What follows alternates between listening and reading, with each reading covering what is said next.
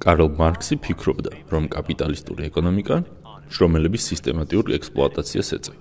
მარქსის ეს იდეა შრომის ღირებულების თეორიას ეყრდნობოდა, რომელსაც დღევანდელი მეცნიერები უარყოფენ. მიუხედავად ამისა, ბევრი მაინც ეთანხმება მარქსის აზრს, რომ კაპიტალიზმი ბუნებით ექსპლუატაციურია. ისინი უბრალოდ ექსპლუატაციის ფართო გაგებას ეფუძნებიან. იმის მაგივრად რომ ექსპლუატაცია ჩაითვალოს შრომელისგან ღირებული სამუშაოს ძალით ამოღება, მათი გაგებით ექსპლუატაცია არის ხების დაუცველობით უსამართლო სარგებლობა.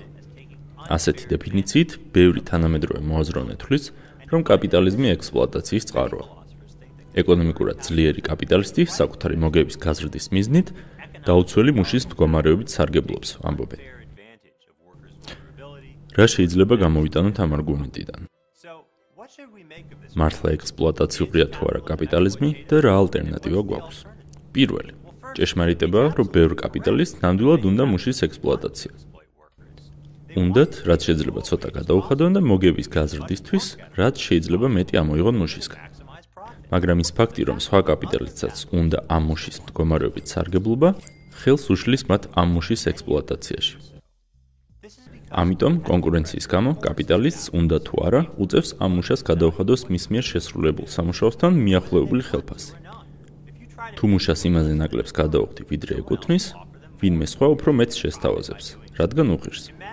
წარმოიდგინეთ, რომ აუქციონზე 1 დოლარიანი შეძენა საპირებთ.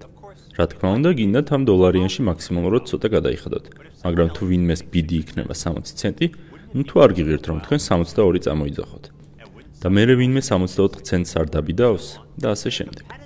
კონკურენტულ კაპიტალისტურ ბაზარზე დამქირავებელს უწევს მუშას გადაუხადოს მის ღირებულებასთან მიახლოებული ხელფასი. და არა იმიტომ, რომ მას ასე უნდა, არამედ იმიტომ, რომ იძულებულია ასე მოიქცეს. მეორე რაც კაპიტალიზმზე და ექსპლუატაციაზე უნდა დაიმახსოვროთ, არის ის, რომ მაშინაც კი, როდესაც სიკეთეების უსამართლო გაცვლასთან გვაქვს საქმე, თავისუფალი ბაზარი ისია მოწყობილი, რომ ეს გაცვლა, როგორც მინიმუმ, ურთიერთსასარგებლო იქნება, იმიტომ რომ ეს გაცვლა ნებაყოფლობითია. მაგალითად, მოვიყვანოთ ის გაცვლა, რომელიც ბევრი საზრით უსამართლოა. სწრაფი სესხები.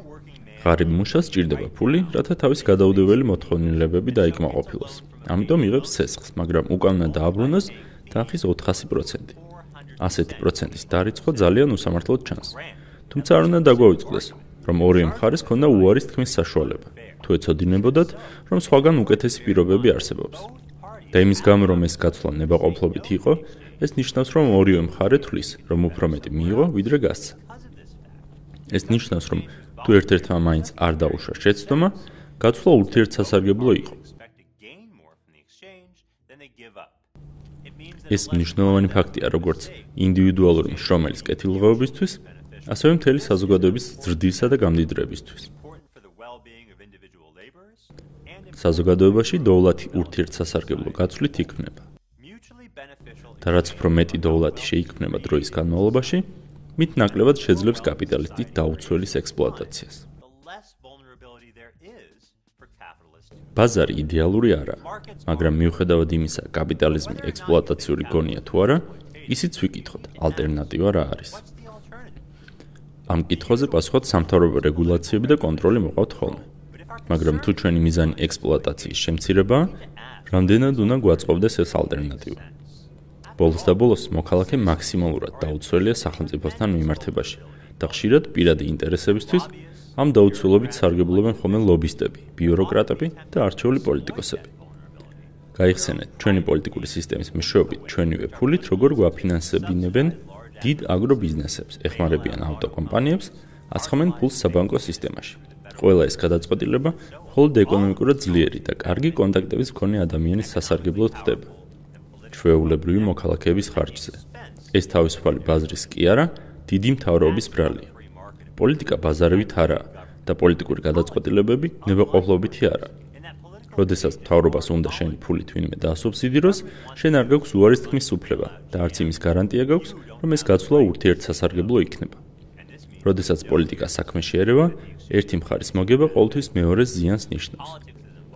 პოლიტიკოსები ბიზნესების შემოწირულობით სარგებლობენ. ეს ბიზნესები კი იგებენ თავრობის მიერ მათ სასარგებლოდ მიღებული გადაწყვეტილებებით. ამ გადაწყვეტილებებს ფასი აქვს, მაგრამ იმის გამო რომ თავრობას იძულება შეუძლია, ის აიძულებს მოქალაქეებს, რომ ეს ფასი გადაიხადონ. ვისაც აქვს პოლიტიკური მხარდაჭერის საყიდელი ფული, იღებს მხარდაჭერას, ხოლო ვისაც არ აქვს, ჯოხი იმაზე ტყდება. პოლიტიკა ასე მუშაობს, მაგრამ არა იმიტომ, რომ თავრობაში ცუდი ხალხია და უკეთესებით უნდა ჩავანაცვლოთ, არამედ იმიტომ, რომ პოლიტიკის სტრუქტურაა ასეთი. იმიტომ, რომ მას აქვს უფლება თავის გადაწყვეტილება ძალით მოახიოს ხალხს. იმის იმედად ყოფნა, რომ თავრობა დაუცველებს სასარგებლოდ გამოიყენებს ამ ძალას, საკმარისი არაა. ჩვენ თავს უნდა ვკითხოთ, თუ მართლა გვინდა სოფლიოში ექსპლუატაციის შემცირება, არის თუ არა თავრობის ძალაუფლების ზრდა სწორი გზა.